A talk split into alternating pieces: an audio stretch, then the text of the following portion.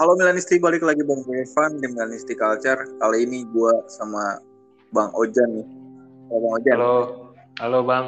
Sehat Bang? Sehat Bang. Ini Bang, Mantap. ada berita terbaru nih soal FP nih yang katanya setiap klub sekarang itu nggak boleh belanja lebih dari 70% dari pendapatan mereka. Itu udah termasuk uh, dari gaji ya dan pemasukan mereka itu bukan dari biaya transfer doang, tapi dari sponsor, hak siar dan yang lain. Menurut lo apa dampak perubahan ini untuk tim-tim Serie A itu sendiri? Oke, uh, peraturan FFP yang terbaru ya. Menurut gue sih, uh, eh, gue nggak terlalu paham detailnya ya. Tapi menurut gue sih nggak bakal terlalu banyak perubahan ya dari yang udah ada sama yang nanti bakal dijalanin yang baru. Karena ya secara umum kan klub-klub Serie A keuangannya nggak terlalu gimana-gimana kan bro, beda sama Liga Inggris kan atau sama PSG gitu kan. Jadi kalau untuk klub-klub Serie A secara khusus, gua rasa nggak bakal banyak perubahan dengan peraturan FFP yang baru. Dan sorry to say, gue untuk UEFA ya gue nggak nggak percaya sih gue sama UEFA pejabat-pejabatnya itu. Kayak terlalu apa ya terlalu banyak korupnya itu. Kayak apa ya skandal gitu bro. Ngerti nggak sih? Maksud gue masa ya Juve PSG itu kagak kagak ada ini sih City gitu kan. Kagak kagak ada apa uh, ngelanggar pelanggar itu FFP gue nggak yakin sih. Jadi gue rasa mafianya yang zaman sekarang nih UEFA sekarang lebih ngaco daripada zaman pelatih ini sih. Gue rasa ya. So tahu gue aja sih.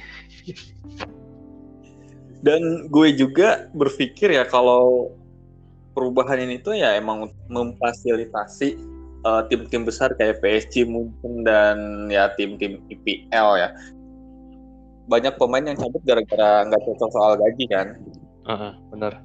Caranya Casey yang udah cabut ke Barca padahal eh, nilai yang ditawarkan sama Maldini itu hampir sama dengan yang ditawarkan oleh Barcelona. Menurut lo apa sih yang menjadi pertimbangan Casey untuk di Barcelona daripada Milan? Iya, jadi kalau menurut gue udah jelas bukan karena uang ya, karena pertama itu Maldini udah nawarin yang sebenarnya nggak jauh beda sama yang udah di deal Casey di Barca kan. Nah, selain itu kita tahu Liga Spanyol itu kan pajaknya gede, Bro. Iya, betul. Uh, lebih gede dari Serie A. Gua nggak tahu berapa persisnya. Jadi gua bisa ambil kesimpulan Casey pindah ke Barca itu emang bukan karena faktor uang, beda sama kiper idola lu, Bang. Siapa dia? Badut Dufan. Oh ya. Iya. Jadi menurut gua uh, faktor Casey pindah ke Barcelona yang paling besar ya menurut gua pribadi adalah dia emang benar pengen cari pengalaman lain gitu. Uh, bukan berarti pengalaman yang lebih menantang atau yang lebih pemain berkualitas ya. Oh. Mungkin menurut gua Casey emang pengen nyobain liga lain gitu, atmosfer Liga Spanyol gitu kan Hmm. Mungkin dia pernah cita-cita pengen main di El Clasico kan kita nggak tahu, ya kan? Hmm. Apalagi dia bukan Italiano kan, jadi sebenarnya nggak ada urusan juga uh, sama uh, tim Serie A. Dan yang gue masih respect nih, meskipun ya ya masih ada respectnya lah gue ke Casey adalah dia memilih ke bukan ke tim rival gitu kan, bukan ke Inter atau ke Juventus, tapi dia memilih ke Spanyol sekalian gitu kan. Itu gue masih ada respectnya tuh kan uh, untuk hal itu. Jadi Casey pindah ke Barcelona murni karena emang dari faktor Casey-nya pengen cobain atmosfer Liga Spanyol menurut gue dan mungkin ada faktor dia ya mau ngasih duit ke uh, apa agennya itu mungkin bisa jadi juga kan. Karena agennya kan dapat komisi gede ya. 10 juta. 10 juta wah kan gede banget itu kan. 10 juta buat agen doang komisi kan mungkin itu ada faktornya juga cuman yang paling besar ya itu lagi menurut gua dia emang pengen coba pengalaman lain aja iya dan gue juga pikir kalau kepastian ini ya, si Casey bakalan lebih fokus untuk membawa Milan itu ya. Bener bang, bener bang. Semenjak kita udah sama-sama tahu Casey fix pindah nih, kita lihat di pertandingan lawan Napoli, lawan uh, kemarin yang paling terakhir tuh. Cagliari. Uh, Cagliari lawan Empoli kita lihat Casey mainnya udah kayak dulu lagi kan. hmm. Udah udah bener lagi gitu. Jadi jadi gue rasa bener kata lu bang, dia udah fokus lagi nih seiring dengan kepastian masa depan dia gitu. Jadi nggak apa-apa lah gue gue udah mulai bisa move on sih dari Casey gitu dan nggak nggak ini nggak dongkol nah. jadi lebih bisa memaklumi gitu nah. Nah. karena kalau kalau ada historinya ya sebetulnya ketika bilang akan memperpanjang kontrak setelah pulang dari Olimpiade itu dia ada uh, pertemuan dengan manajemen Milan, tapi mungkin karena si agennya ini menawarkan opsi yang lebih baik, jadi benar, ya benar. ya pun kan pemain pasti lebih mendengarkan agennya kan. Iya benar benar bang, benar bang. Ya itu emang mungkin waktu uh, kalau nggak salah itu iya itu Olimpiade ya. Mungkin ah. dia emang yang ada di pikiran dia dia pengen perpanjang kontrak, pengen tetap di Milan gitu kan Cuman kan ya kita nggak tahu bisikan dari agen kan. nah, setahu gue kalau di dunia tinju ya yang gue tonton di film-film itu emang petinju itu emang sama agennya itu emang udah nggak bisa ngelawan. Nggak tahu deh kalau di dunia sepak bola ya. Tapi kalau di dunia tinju itu pun yang gue lihat di film ya. Kayaknya atlet itu sama agennya kayak ya udah kayak mau balas budi atau emang nurut gitu itu uh, wajar sih. Cuman ya kita sebagai Milanisti ya mungkin ini aja apa uh, menyesalkan aja gitu kan pemain sebagus Casey lepas nggak nggak nggak jadi duit gitu kan free transfer cuman ya benar kata lu di banyak postingan lu kita kita tahu sendiri ya seberapa besar dampak yang udah Casey kasih gitu ke Milan kan dari Milan yang tadinya sebagai tim apa? Apa tuh? Banter era. Banter era.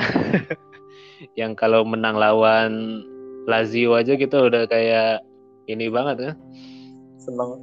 Udah kayak senang banget sampai ke sekarang ada di jalur perburuan Scudetto kan itu faktor Casey-nya besar banget gitu. Jadi gua rasa meskipun Casey belum bisa kasih kita Scudetto apalagi Liga Champions, tapi jasa dia buat Milan udah besar sih menurut gue jadi fair fair aja dia mau coba pengalaman lain ya itu menurut gue pribadi sih bang tapi di tetangga nih Inter malah berhasil memperpanjang kontraknya Brozovic pemain yang bikin Inter tuh uh, angin-anginan ketika dia absen gitu menurut lo apakah memang Inter ini secara manajemen lebih baik dalam urusan perpanjangan kontrak bang Oh, oke okay, oke. Okay. Gua bisa langsung jawab nih Bang. Kalau Brozovic gua nggak terlalu ngikutin tapi gua beberapa kali ngelihat di uh, berita olahraga ya di website dan segala macam. Emang Brozovicnya itu cinta banget sama Inter, Bang. Iya benar. Uh, emang dianya yang ya kayak kita lihat Theo kemarin nggak pakai pikir panjang perpanjang kontrak kan. Padahal Theo kontraknya juga masih panjang sampai 2024 kan. Nah. cuman karena emang dia yang pengen masih mengabdi gitu kan ya mungkin kasusnya sama kayak Brozovic di Inter sih. Jadi gue lihat kalau dari manajemen emang nggak ada lawan Maldini sih buat saat ini. Hmm. Maldini masih yang paling top sih. Kalau gitu berarti bang kan selama ini fans itu selalu uh, mengeluh-ngeluhkan pemain yang emang Milanisti dari kecil gitu sedangkan kita tahu Theo itu kan bukan Milanisti ya tapi dia ya ketika dia merasa dirinya penting dalam tim ya mereka mereka akan memberikan yang terbaik juga dan sebetulnya pemain yang uh, cinta sama Milan itu menurut gue bonus doang sih. Bener bang, kita nggak bisa mengendalikan isi hati dan isi kepala pemain ya. Hmm. Kalau kita lihat secara rasional harusnya Donnarumma itu uh, tekan kontrak seumur hidup tuh sama Milan karena Hmm. Kalau bukan Milan yang kasih kesempatan, mungkin dia masih jadi kayak abangnya, ya kan? Hmm. Uh, cuman ternyata kenyataannya kan berbanding terbalik sama yang kita ekspektasikan kan. Hmm. Jadi ya balik lagi itu masalah uh, isi kepala sama isi hati orang kita nggak tahu ya. Jadi uh, di saat dia melakukan keputusan-keputusan ekstrim kita nggak bisa terlalu menyalahkan. Emang ada etika-etikanya yang menurut gue pribadi yang masih harus uh, diperhatikan sama si pemain tersebut. Kayak si idola lu bang kebab tuh. Yang diketahui Zlatan. Nyebrang langsung ke Inter dan uh, diving dapat penalti. Itu pun jatahnya Lautaro dia minta. Itu kan kayak udah udik banget gitu loh habis golin selebrasi lagi kan. Nah di situ di situ gue ngerasa wajar semua pendukung Milan yang di Italia atau di global termasuk Indonesia menghujat dia itu menurut gue wajar gitu kan. Emang sih pemain udah aneh gitu. Tapi kalau kayak Casey sekarang atau nanti apa uh, ah, Dona Rumah kemarin menurut gue Dona Rumah juga masih mendingan. Dia masih nyebrang ke Paris gitu uh-huh. Uh, masih nggak main di derby gitu kan? Menurut lo Dan, Gio bakalan ke Juve nggak? Um, bakal. Menurut gue kemungkinan itu terbuka lebar ya.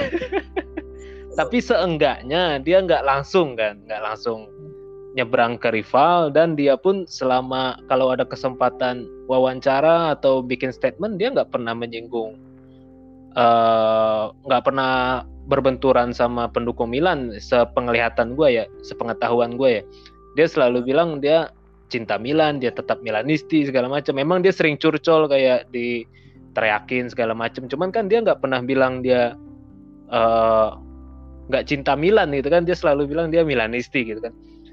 Jadi menurut gue ya kita juga harus bisa maksud gue kita bisa harus tahu juga itu kan bocah-bocah umur jagung gitu kan seumur jagung masih umur 21 22 ya kan? Jadi mungkin secara attitude dia ya masih begitu gitu.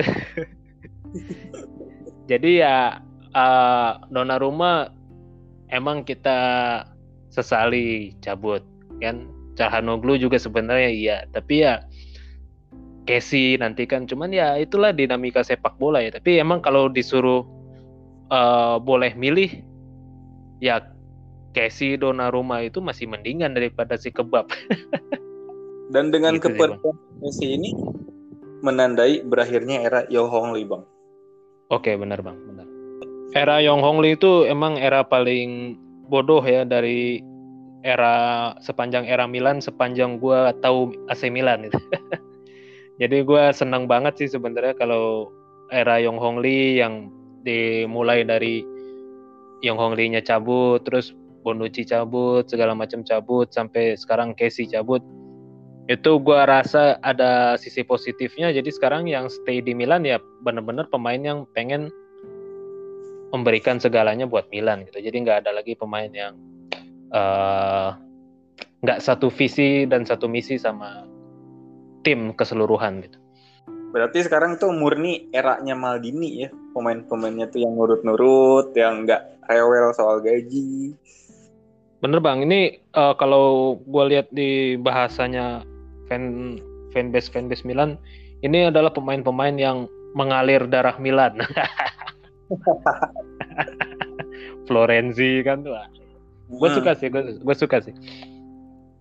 Jadi nggak apa-apa apalagi balik lagi ke dona rumah ya apalagi kasus dona rumah coba sekarang gue fair fairan sama lu bang. Lu pilih dona rumah apa Maignan? Maignan nah makanya itu hikmah sebenarnya kan. Hmm. dari kepergian dona rumah coba kalau dona rumah tetap stay gajinya gede ya kan? Gajinya gajinya gede. Terus ya kita lihat kemarin mainnya begitu kan. Dia dimainin PSG kalah. Dia nggak dimainin PSG menang.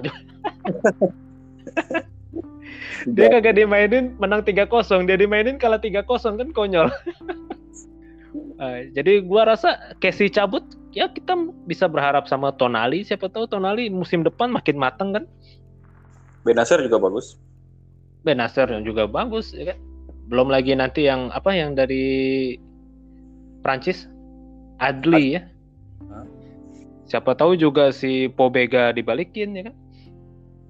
Masih cukup kok stok gelandang menurut gue kalau untuk stok back nih kira-kira bang kan ada rumor ya kalau Romagnoli itu udah deal dengan Lazio Oke. Okay. Dengan kontrak 3,2 juta. Oke, okay, Bang. Oke, okay, oke. Okay.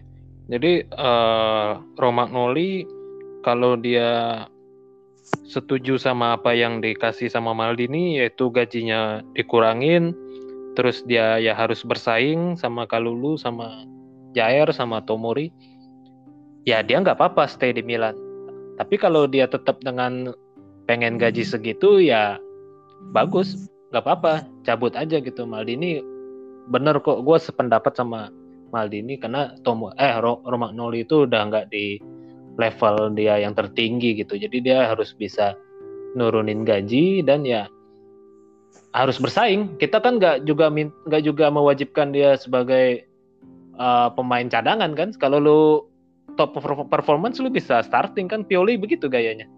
Tergantung ah. siapa yang top performance aja kan. Ah. Pioli kan setahu gue Pioli nggak pernah ngambek sama satupun pemain Milan kan. Nggak kayak pelatih pelatih lain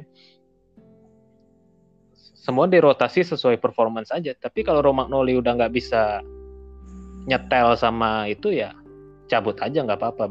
Tapi tetap gue juga komen di postingan lu bang, gue tetap respect sama Romagnoli. Itu tetap gue anggap kapten gitu. Yang kagak gue anggap kapten yang botak-botak itu aja tuh bang, yang botak gitu. Romagnoli gue anggap kapten bahkan di era Uh, tapi itu masih Montolivo ya. Tapi Romagnoli gitu-gitu pernah kasih gelar ke kita kan Super Copa ya kan? Iya pernah. Nah, itu tetap kapten kita. Kalaupun dia pindah ke Lazio ya kita harapkan yang terbaik buat Romagnoli. Emang ini nggak kejauhan apa nurun nurunin gajinya tuh dari 6,5 ke 2,5? Oh, sesuai sama performa sih, Bang. Nah, itu dia masalah gaji. Kenapa dia bisa 6,5 kan itu gara-gara manajemennya Yong Hong Lee. yang ngasih gaji kagak mikir gitu, Bang.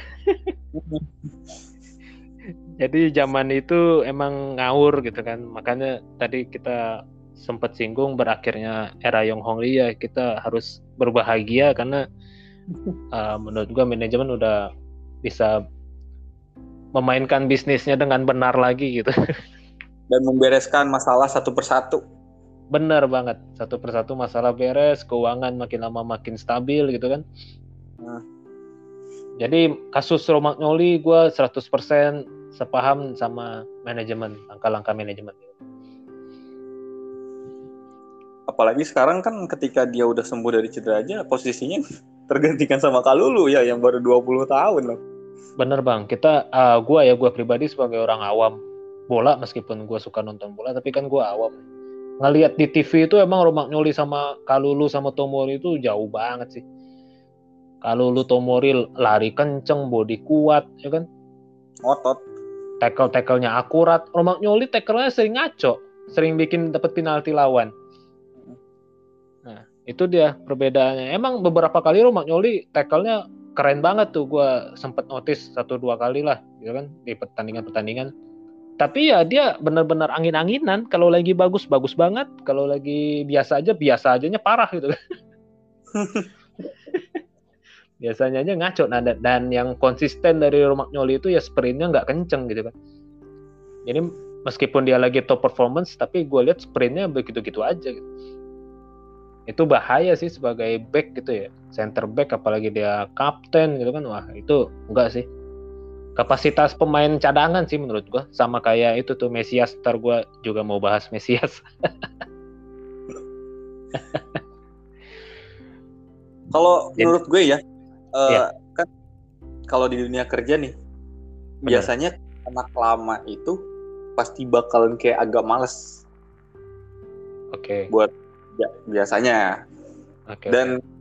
Uh, ini tuh kayak mirip ke Romagnoli yang udah bermusim-musim di Milan, jadi kayak dia tuh ada di zona nyaman sekarang tuh. Sedangkan Tomori dan Kalulu itu kan dua orang yang punya ambisi setelah disingkirkan atau nggak dipakai lah sama tim sebelum, jadi kayak ada ambisi untuk membuktikan diri gitu. Sedangkan Romagnoli ya gue mah udah inti bertahun-tahun anjir gitu. Jadi kayak kapten lagi kan? Uh, kapten lagi gue gitu. Walaupun gue hmm. buruk itu ya udah gue mah kapten. Menurut hmm. lo ada ada faktor ini enggak menurut gue faktor itu ada ya. Jadi dia ngerasa udah uh, punya tempat di Milan. Jadi dia nggak hmm. punya motivasi untuk memper mengupgrade gitu kan. Berlatih lebih keras gitu kan. Gua rasa motivasinya nggak setinggi Tomori sama Kalulu ya karena faktor yang abang bilangin tadi itu benar gitu dan ya menurut gua yang lebih besar dari faktor itu emang emang kapasitas dia segitu sih gua gua kalau gua uh, perhatikan dari kacamata gua nih ya Romagnoli di top performance-nya sama Tomori di biasa-biasanya Tomori tuh ya masih bagusan Tomori sih. Hmm. Huh? Tomori tuh hmm. gue setiap dia nekel tuh gue tenang gitu hati gue bang. Ini pasti di bola nih, pasti di bola nih kenanya. Romagnoli bener-bener deg-degan gue. Kacau deh. Jadi nggak apa-apa sih Romagnoli. Kecuali dia mau ikut gaya mainnya Maldini gitu kan, gaji terima gaji seadanya ya kan terus ya tetap mau bersaing nggak apa-apa stay di Milan gitu cuma kalau ya begitu ya nggak apa-apa mau pisah jalan bisa jalan aja gitu. berarti ada penurunan kepercayaan dari fans pada Romagnoli ya oh iya iya gua rasa uh, banyak fans yang berpikir kayak gitu nah. dan ada juga nih yang mau diturunin nilai kontraknya tuh adalah Ibrahimovic dari 7,5 juta ke 2 juta menurut lo ini kekecilan gak sih untuk lore? Kalau kita pakai barometer kontribusi di lapangan, itu sangat uh, pantas ya digaji 2 juta sekian. Karena kita hmm. tahu Ibra udah jarang main dan sekalipun main itu udah di menit 80 ke atas, ya kan? Dan juga udah nggak terlalu jadi jantung permainan, ya kan? Jadi dengan angka segitu tuh pantas. Cuman masalahnya kan kontribusi Ibrahimovic bukan cuman di lapangan aja kan. Ibrahimovic itu punya kontribusi membangkitkan mental sebenarnya kan. Jadi sebenarnya itu tugas yang berkesinambungan. Jadi nggak selama 90 menit di lapangan aja kan. Di waktu latihan, di waktu uh, istirahat babak pertama ya kan.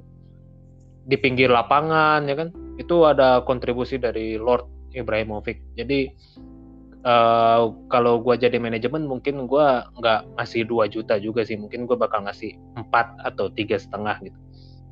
Hmm. Dan yang pasti gue kalau jadi Pioli, gue bakal kasih ban kapten ke Ibra sih di sisa musim ini. Di sisa musim ini kapten Bener. dipegang Ibra ya.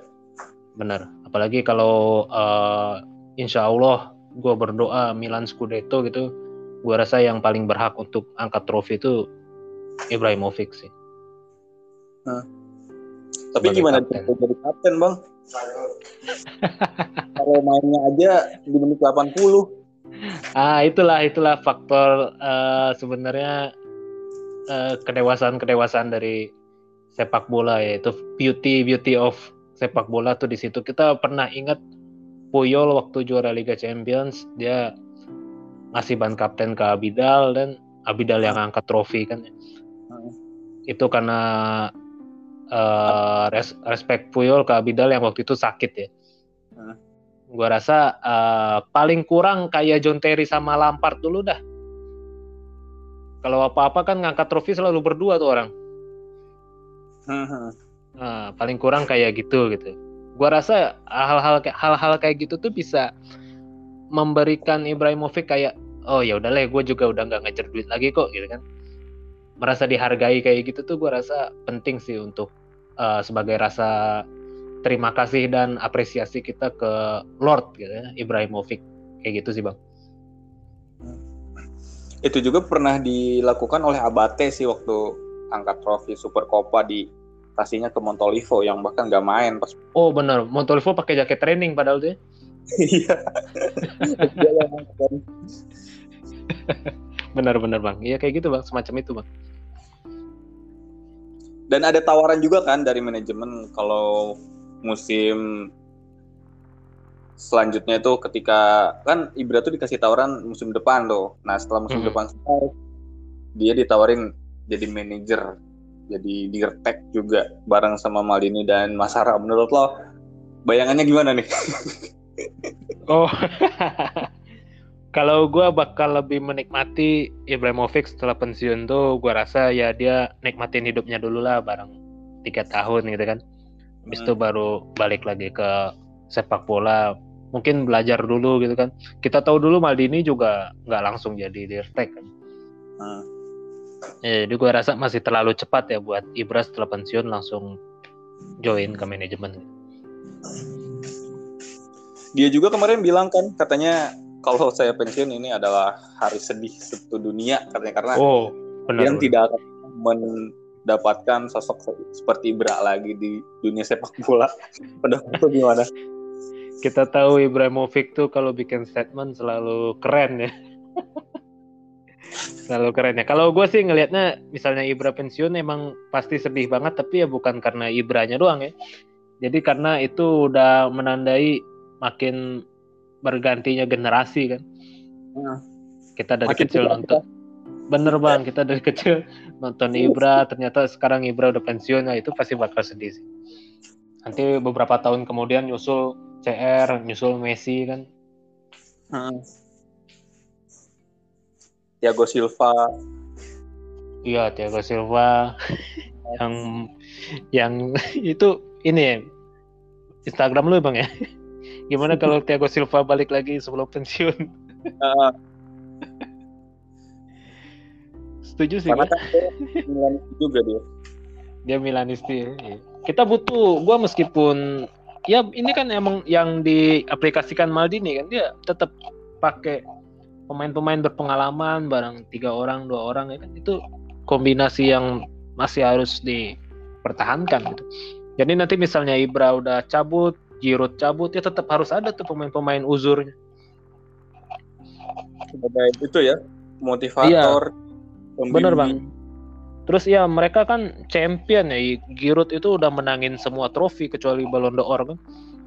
Dan Jadi gue rasa gue rasa pemain-pemain muda ya kan kalau gue jadi pemain bola juga gue pasti ngeliat Giroud wah respect gue ya kan hmm. gue rasa pemain-pemain muda tuh kayak gitu ke situ dampaknya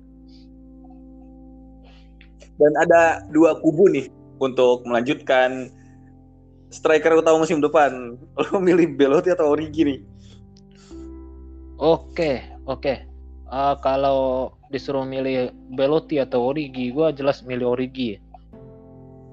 Belotti kita lihat di Euro dia udah dapat supply bola dari orang-orang macam Jorginho, macam Barella, tapi tetap flop ya. gue gak kebayang kalau dia di Milan dan uh, penyuplai bola kita masih seorang junior Mesias wah itu kayak bakal kayak apa itu tumpul ya. Jadi gue uh, condong ke Origi bang. Tapi kan banyak yang menyayangkan. Katanya Belotti ini Milanisti loh. Sayang banget kalau free transfer nggak diambil kayak gitu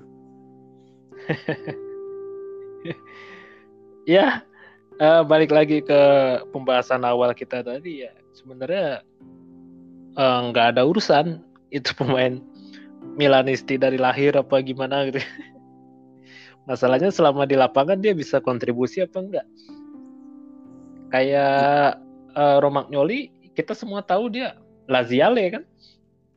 Iya. Cuman cuman dia beberapa kali pernah top performance juga di Milan kan. Jadi nggak uh, nggak nggak meskipun itu jadi faktor ya tapi itu bukan faktor terpenting sih dari pemilihan pemain gitu. Apalagi mumpung free transfer nih tarik aja. Ya nggak begitu cara berpikir. Kan setelah free transfer itu kita masih harus ngasih gaji. Iya agennya uh, juga ada komisi. Ah agennya ngasih komisi juga ya kan. Jadi uh, lebih ke teknis sih sebenarnya harusnya nggak ada pemain yang free transfer bener-bener free sih sekarang tuh. Bener bang, bener bang. Agennya kan mesti dikasih duit itu, pasti minta kan.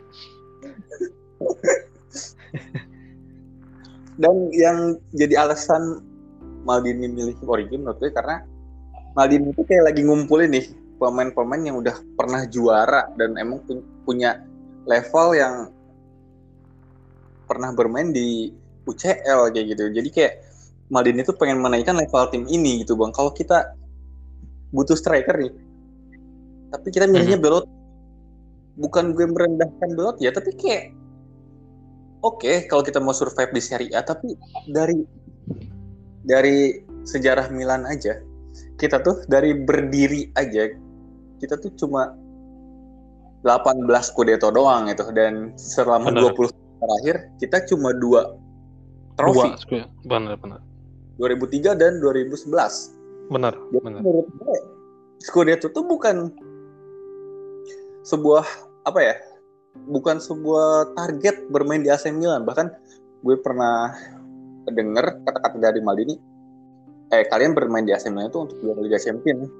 Kayak benar, gitu. Benar, benar, Bang jadi menurut gue ya targetnya kalau emang lo mau sukses di UCL ya harus datangin pemain-pemain yang emang udah pengalaman di sana makanya pemain-pemain kayak Origi, Giroud gitu, Theo datang gitu walaupun dulu cadangan doang kan Theo tapi pernah mengangkat trofi UCL itu kan. Iya, iya. Benar Bang, beberapa kali lihat permainan Origi pertandingan Liverpool gitu kan. Juga ya masih uh, masih lebih punya prospek Origi daripada Belotti. Gue ya gue bukannya merendahkan Belotti atau gimana gimana ya, tapi ya kita fair-fairan aja kan. ya yang jadi faktor utama gue tuh setelah nonton Euro kemarin sih. Yang paling hmm. deket kan kompetisi akbar tuh Euro kan. Hmm. Kita lihat kalau pas Euro kemarin Belotti main, aduh kita kan dukung timnas Italia bang jadi pas Belotti main aduh sama ngabulunya sama Immobile gitu kan. Kita kan gol-gol penting itu waktu itu Insigne yang golin tuh. Hmm. Barella yang gol malah strikernya kocak-kocak gitu. Jadi jangan deh Belotti deh. kecuali kita emang duitnya banyak banget gitu ya mau ngumpulin striker gitu nggak apa-apa lah. Jadi kita kan masih harus taat sama keuangan ya jadi harus benar-benar cermat. Kalaupun emang Belotti bagus menurut gue tim kayak Juve, Napoli, Atalanta, Inter bakalan pasti ya pasti iya. incer juga. Makanya kan Juve berani keluar duit untuk Vlahovic ya berarti ya Vlahovic bagus dan Belotti Benar. tetap Torino. Tetap ya aja di Torino kan. Iya, gitu. ya kualitas Torino itu. Hmm tadi ya uh, siapa pun strikernya kalau yang umpannya tetap Mesias ya percuma gitu ya. Gimana nih? Mesias tebus apa enggak nih? Uh, oke. Okay. gue mau bahas sedikit Mesias Mesias itu emang musim pertama gitu bang.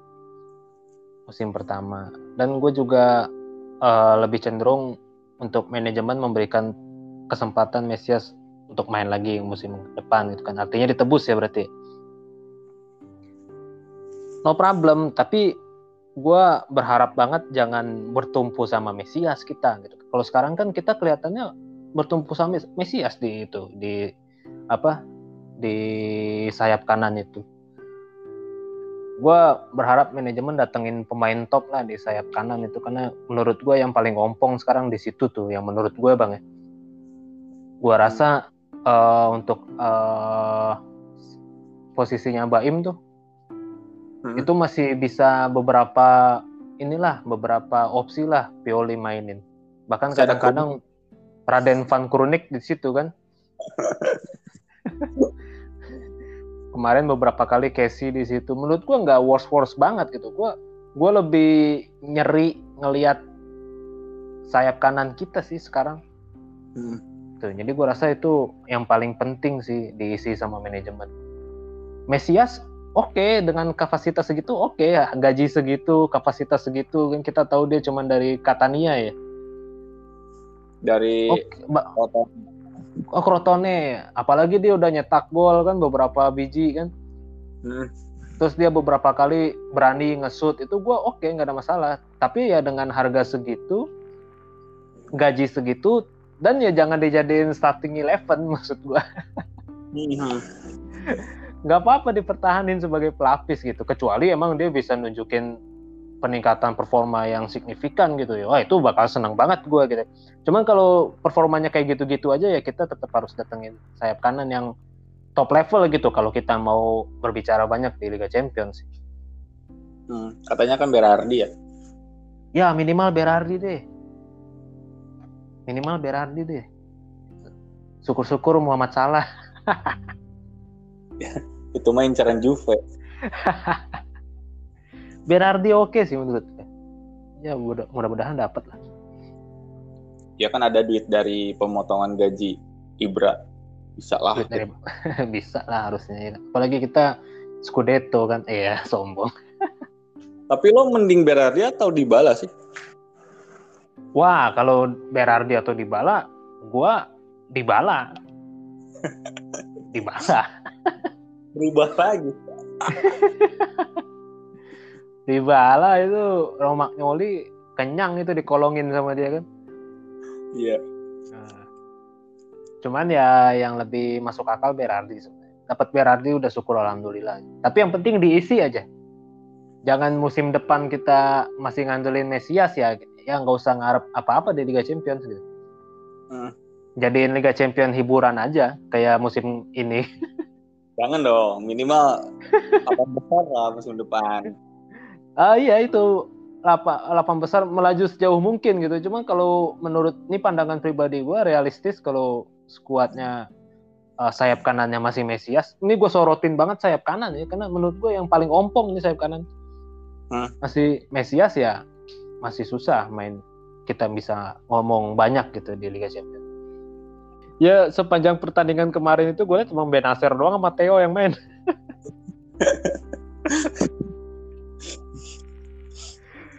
Kalulu itu juga dari bu, bu, kemelut kan itu bola mati sebenarnya. Hmm emang harus dibenahin itu. Kalau sisi kiri nih, kan Rebic lagi angin-anginan juga tuh kemarin ada rumor kalau Erik Elmas mau dijadiin barteran dengan Rebic. Lu gimana nih dengan Rebic? Tapi gue sayang banget sih karena Rebic itu suka ngelucu gitu kadang-kadang dan dia tuh orang kayak paling ngotot kalau soal protes ke wasit dan dia tuh suka apa ya, bikin gol-gol tak terduga gitu. Kalau menurut lo gimana nih, Rebic aman nggak? Wah, gue gua setuju banget sama lu bang. Jadi Rebic itu sering bikin gol-gol tak terduga kan. Kita tahu waktu kita menang 4-2 lawan Juve itu comeback. Ya. Itu besar banget peranan Rebic kan. Terus juga uh, pas kemarin kita nyaris kalah tuh lawan Salernitana. Ya. Yang nyelam, nyelamatin kita juga Rebic. Jadi gue kalau disuruh pilih Rebic atau itu Elmasnya Napoli itu ya? Iya. Ya 100% ke Rebic sih itu. Hmm. Spartan lah dia barbar deh kalau main gitu 100%. emang emang 100% itu kadang 100% ngablu ya kan. Pernah ngumpan siapa nggak tahu ya kan ngumpan setan kali ya.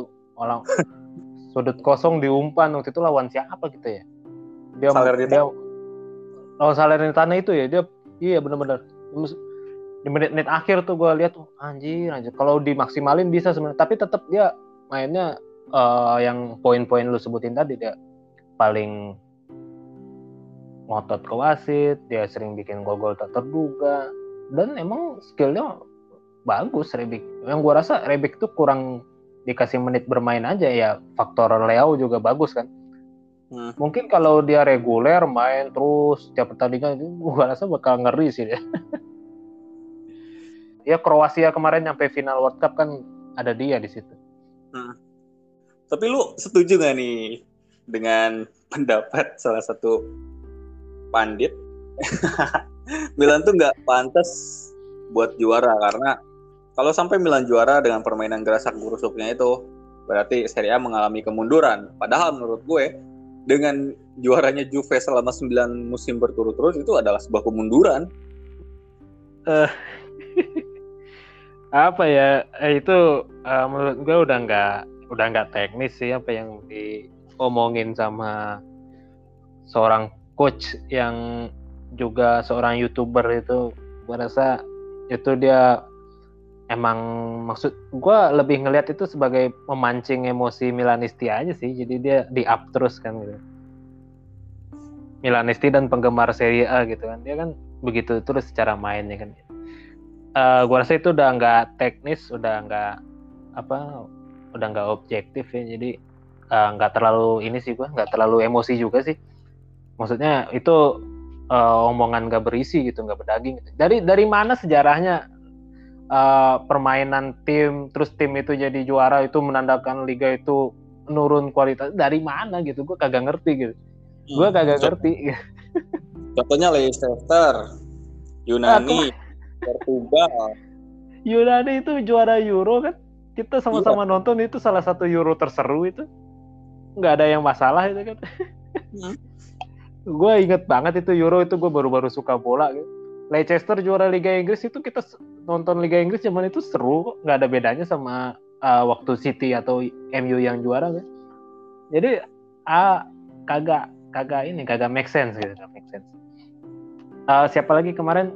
Uh, Kroasia sampai final World Cup kan? Emang kualitas World Cup-nya yang menurun gitu.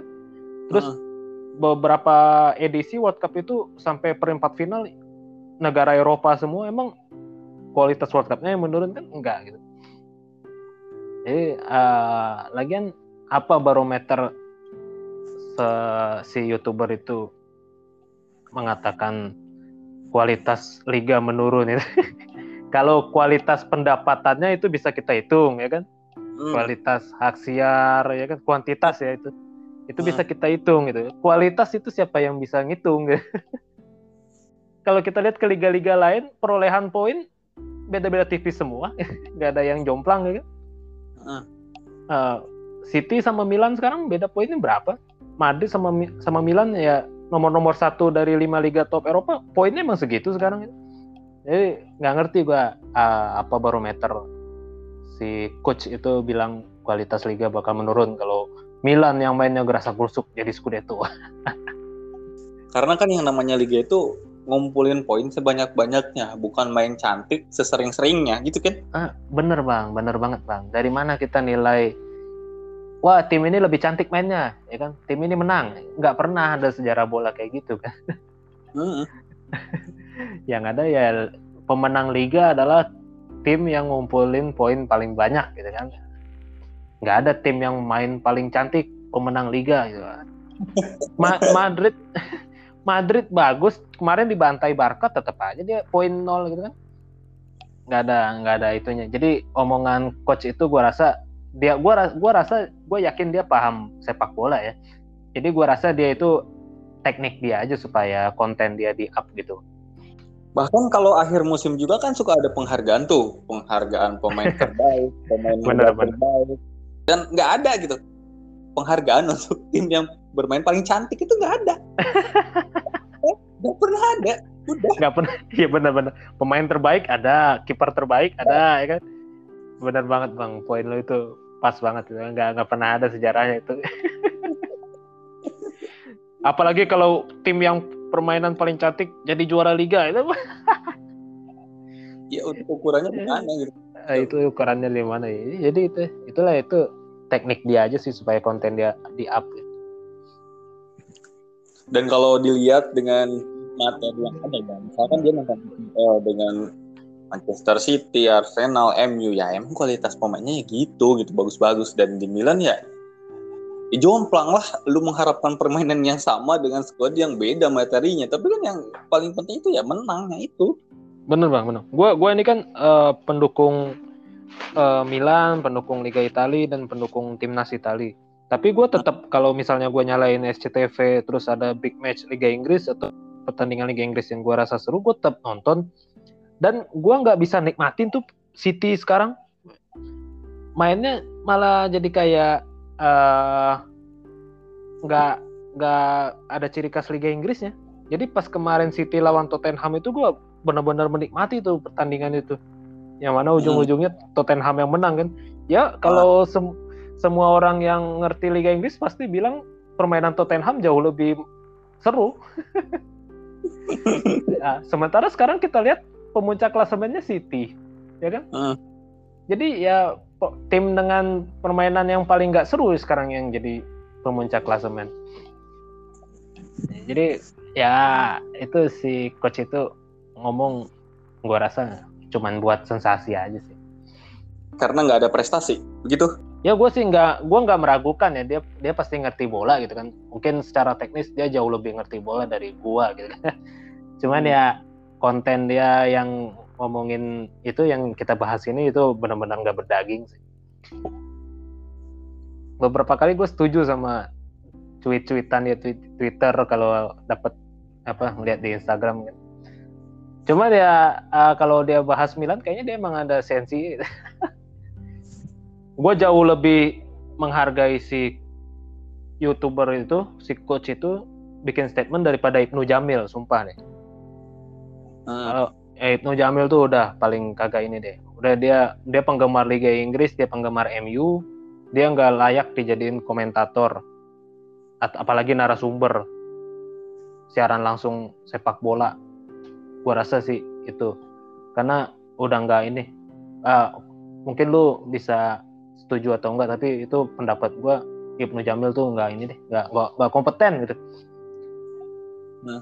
nggak nggak kompeten dan nggak berdaging dan kita tahu dia bukan atlet bukan coach segala macam jadi siapa gitu. Lu bukan pena, bukan bukan bungkus nah ini ya bukan wartawan sepak bola gitu kan. Jadi apa sih lu, lu sebagai pembawa acara oke okay, gitu tapi sebagai narsum nggak nggak.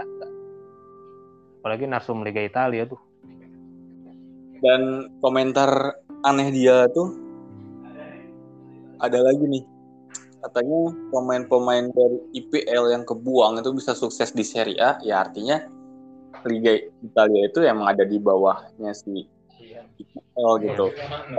Faktor gue setuju gitu IPL lebih atas. Tapi kalau tentang pemain buangan yang bagusan. sukses di Serie A hmm? menurut gue bukan karena liganya tapi ya lebih ke pemainnya. Soalnya ya kita lihat Coutinho di Barca gagal. Di Aston Villa sukses. Malah di Aston Villa. Ya Asleyong di Inter gagal. Balik ke Aston Villa sukses. Ada lagi yang dari Arsenal Aubameyang. Dari IPL gagal ke Barcelona 9 gol. Jadi bukan liganya sih tapi lebih ke ya si pemain itu sendiri. Bener bang. Bener nggak ada nggak ada apa nggak ada nggak ada sejarahnya. Liga ini di bawah liga ini gitu karena pemain ini buangan dari liga ini. Wah itu nggak ini sih nggak nggak nggak make sense gitu. Semuanya balik lagi ke pemain sih. Kecuali statementnya pemain ini nggak cocok di liga ini gitu kan. Itu masih make sense ya iya, yang kayak benar. tadi abang bahas kan. Cuma kalau ini main di sini jelek berarti liga ini lebih jelek dari ini. Wah itu gua nggak ngerti sih kesimpulan dari mana. Emang sih kita sebagai uh, penonton sepak bola kita pasti punya favorit ya. Kita lebih favoritin Liga Inggris atau Liga Italia kita lebih favoritin Milan atau klub lain gitu. Cuman ya tetap harus inilah make sense lah. Gue meskipun Milanisti tapi Liga Inggris yang big match gue tonton juga gitu. Gue bisa nikmatin juga gitu. Jadi ngapain sih kita terlalu fanatik gitu kan? Kalau sama Milan oke. Okay, fanatik jelas gitu karena klub klub gitu kan. Tapi kalau fanatik liga gue nggak ngerti sih apa konsepnya. Fanatik liga ya kayak coach bikin statement kayak gitu kan berarti dia fanatik liga Inggris gitu kan. Hmm. apa? Untuk apa lo fanatik liga ya gimana bisa seorang seorang Shevchenko yang di Milan dapat Ballon d'Or di Chelsea gagal? Itu kan berarti IPL-nya ah, ya? kita nggak bisa ya. ngomong Liga Inggris lebih jelek dari Liga Italia kan? Nggak bisa. Nggak bisa nggak nyambung. Kita bisa ngomong Shevchenko jelek di Chelsea di Milan bagus. Bisa tapi kita nggak bisa ngomong Liga Inggris lebih jelek dari Liga Italia. Ya itu nggak nggak nggak kepikiran gitu. Aneh. Nggak nggak iya benar nggak kepikiran juga. Jadi gue rasa konten uh, creator bola ya entah itu youtuber podcaster emang mereka berlomba-lomba sih bikin statement kata-kata yang menarik gitu menurut gue bang ya. Jadi supaya jadi konten supaya kontennya ke up gitu. Karena kan emang kita senang tuh membentur-benturkan kan ini liga ini lebih baik liga ini ini, ini kan itu emang uh, yang disenangin nama netizen gitu gue lebih ngelihatnya ke situ aja sih tapi kan bro mereka itu kerja di sana maksudnya mereka tuh cari duit di sana gitu walaupun hmm. nggak hmm. juga. Hmm. Uh, seharusnya apa yang mereka keluarkan dari si kepala mereka itu kan lebih baik lah dari apa yang kita lihat. Hmm, benar setuju. Dan ya, ini menandakan kualitas dari pandit kita tuh menurun gitu. Oh jelas, jelas bang, jelas bang.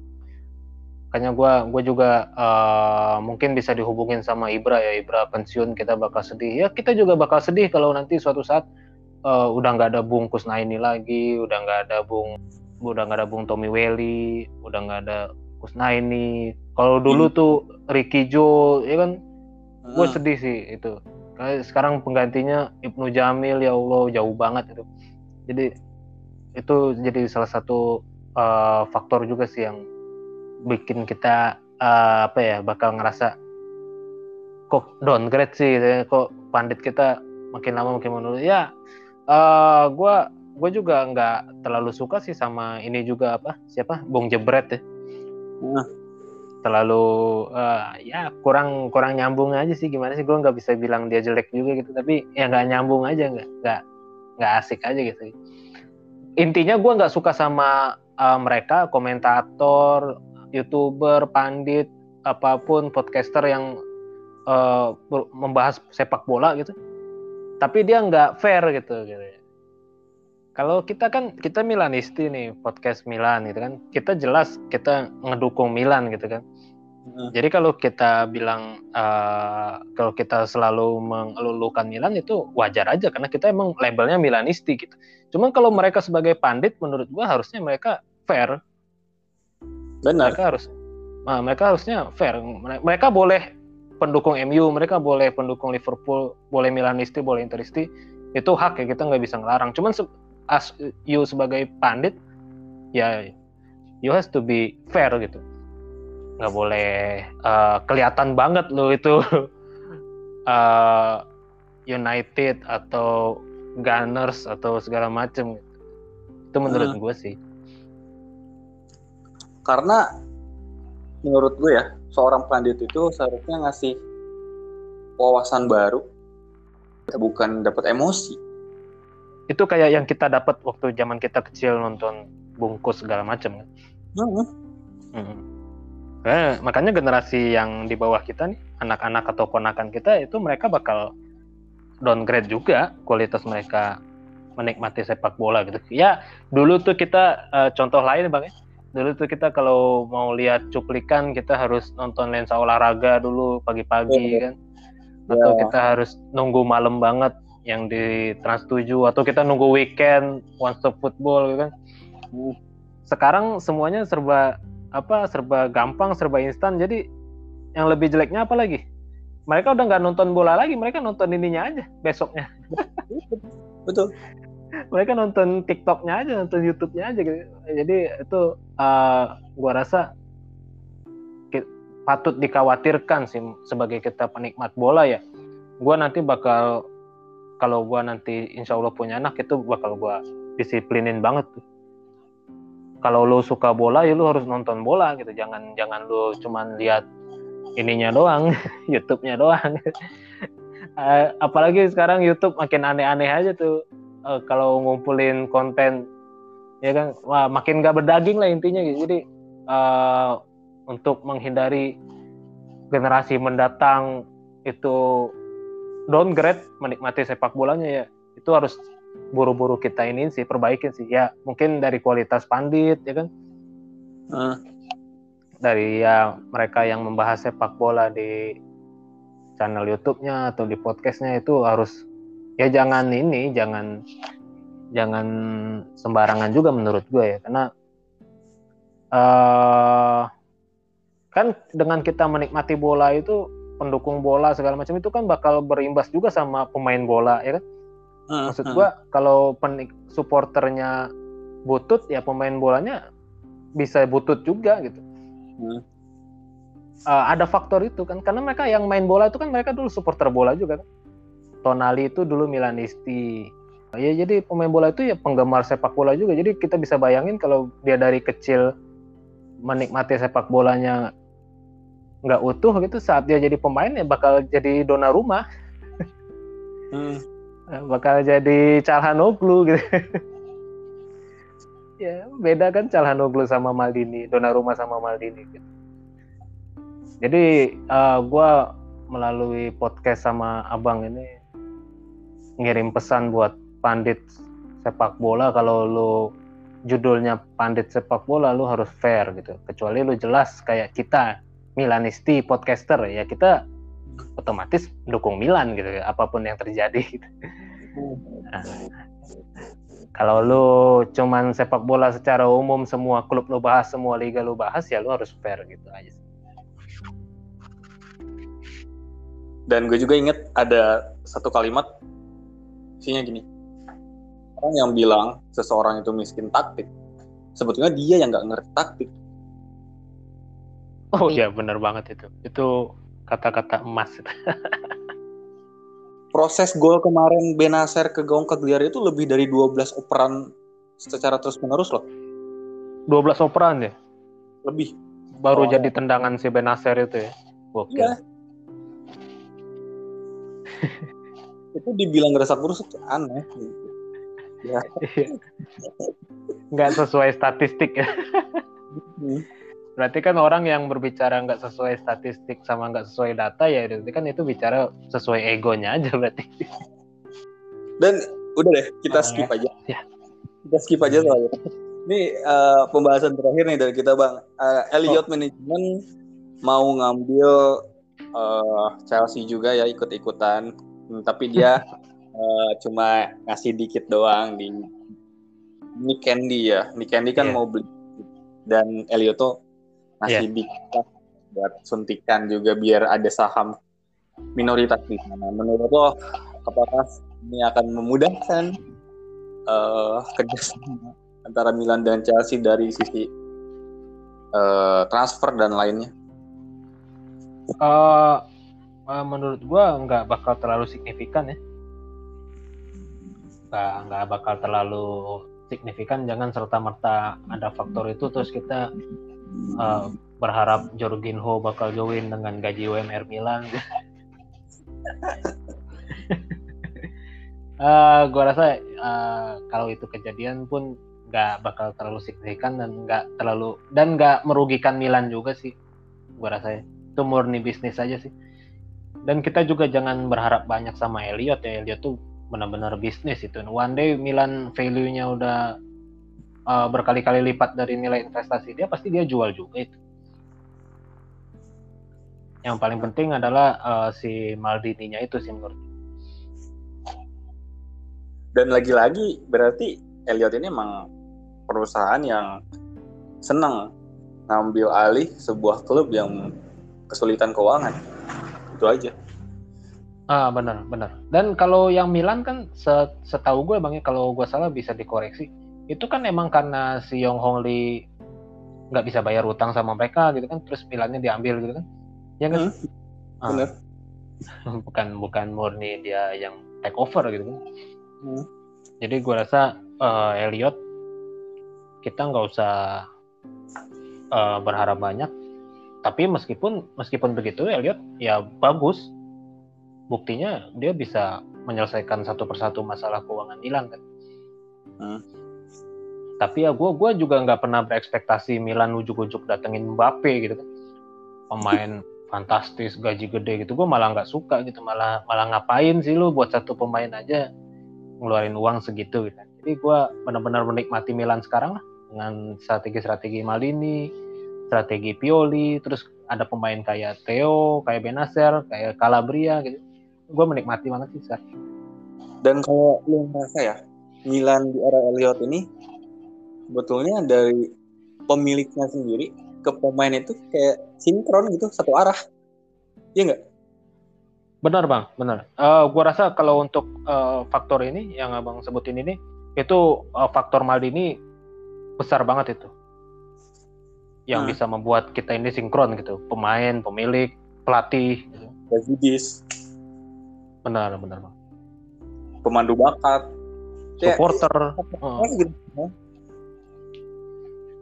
kita sama-sama lihat kemarin ya habis cekcok sama Cagliari itu Maldini sampai turun ke lapangan.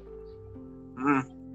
wah itu itu luar biasa sih menurut gue jadi ya kita bisa sama-sama nikmati Milan musim ini. Apalagi kalau sampai Scudetto ya gue kalau sampai Milan Scudetto terus banyak teman-teman Milanisti yang komentar miring nah itu gue nggak ngerti sih. Nggak ngerti sih. Apalagi yang gak pengen itu udah parah nggak ngerti gue jalan pikiran gue gue gue ngar gue berharap banget kita Scudetto gitu. Jujur ya siapa sih yang nggak berharap? Tapi kalaupun nggak Scudetto gue masih nggak apa-apa gitu. Karena realistis aja gitu squad kita itu dibentuk ya masih segini gitu. Jadi kalau Scudetto itu amazing luar biasa kita senang kita bangga. Tapi kalau nggak Scudetto pun itu masih wajar gitu menurut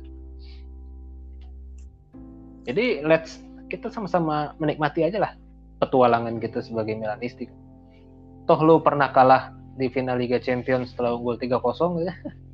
Uh. lu harusnya kalau beneran Milanisti mental lu harus ini harus batu gitu. Gue menikmati kok perkembangan Milan dari terpuruk sampai sekarang udah mulai bangkit lagi. Jadi ya alhamdulillah apalagi RCTI mulai senang nyarin gitu kan wah senang gue.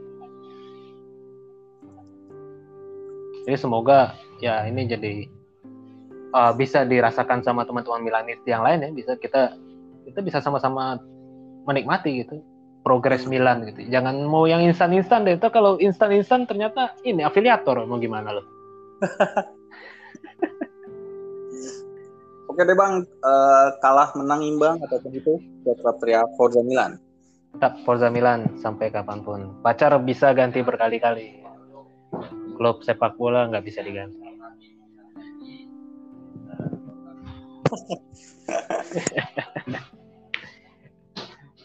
Forza Milan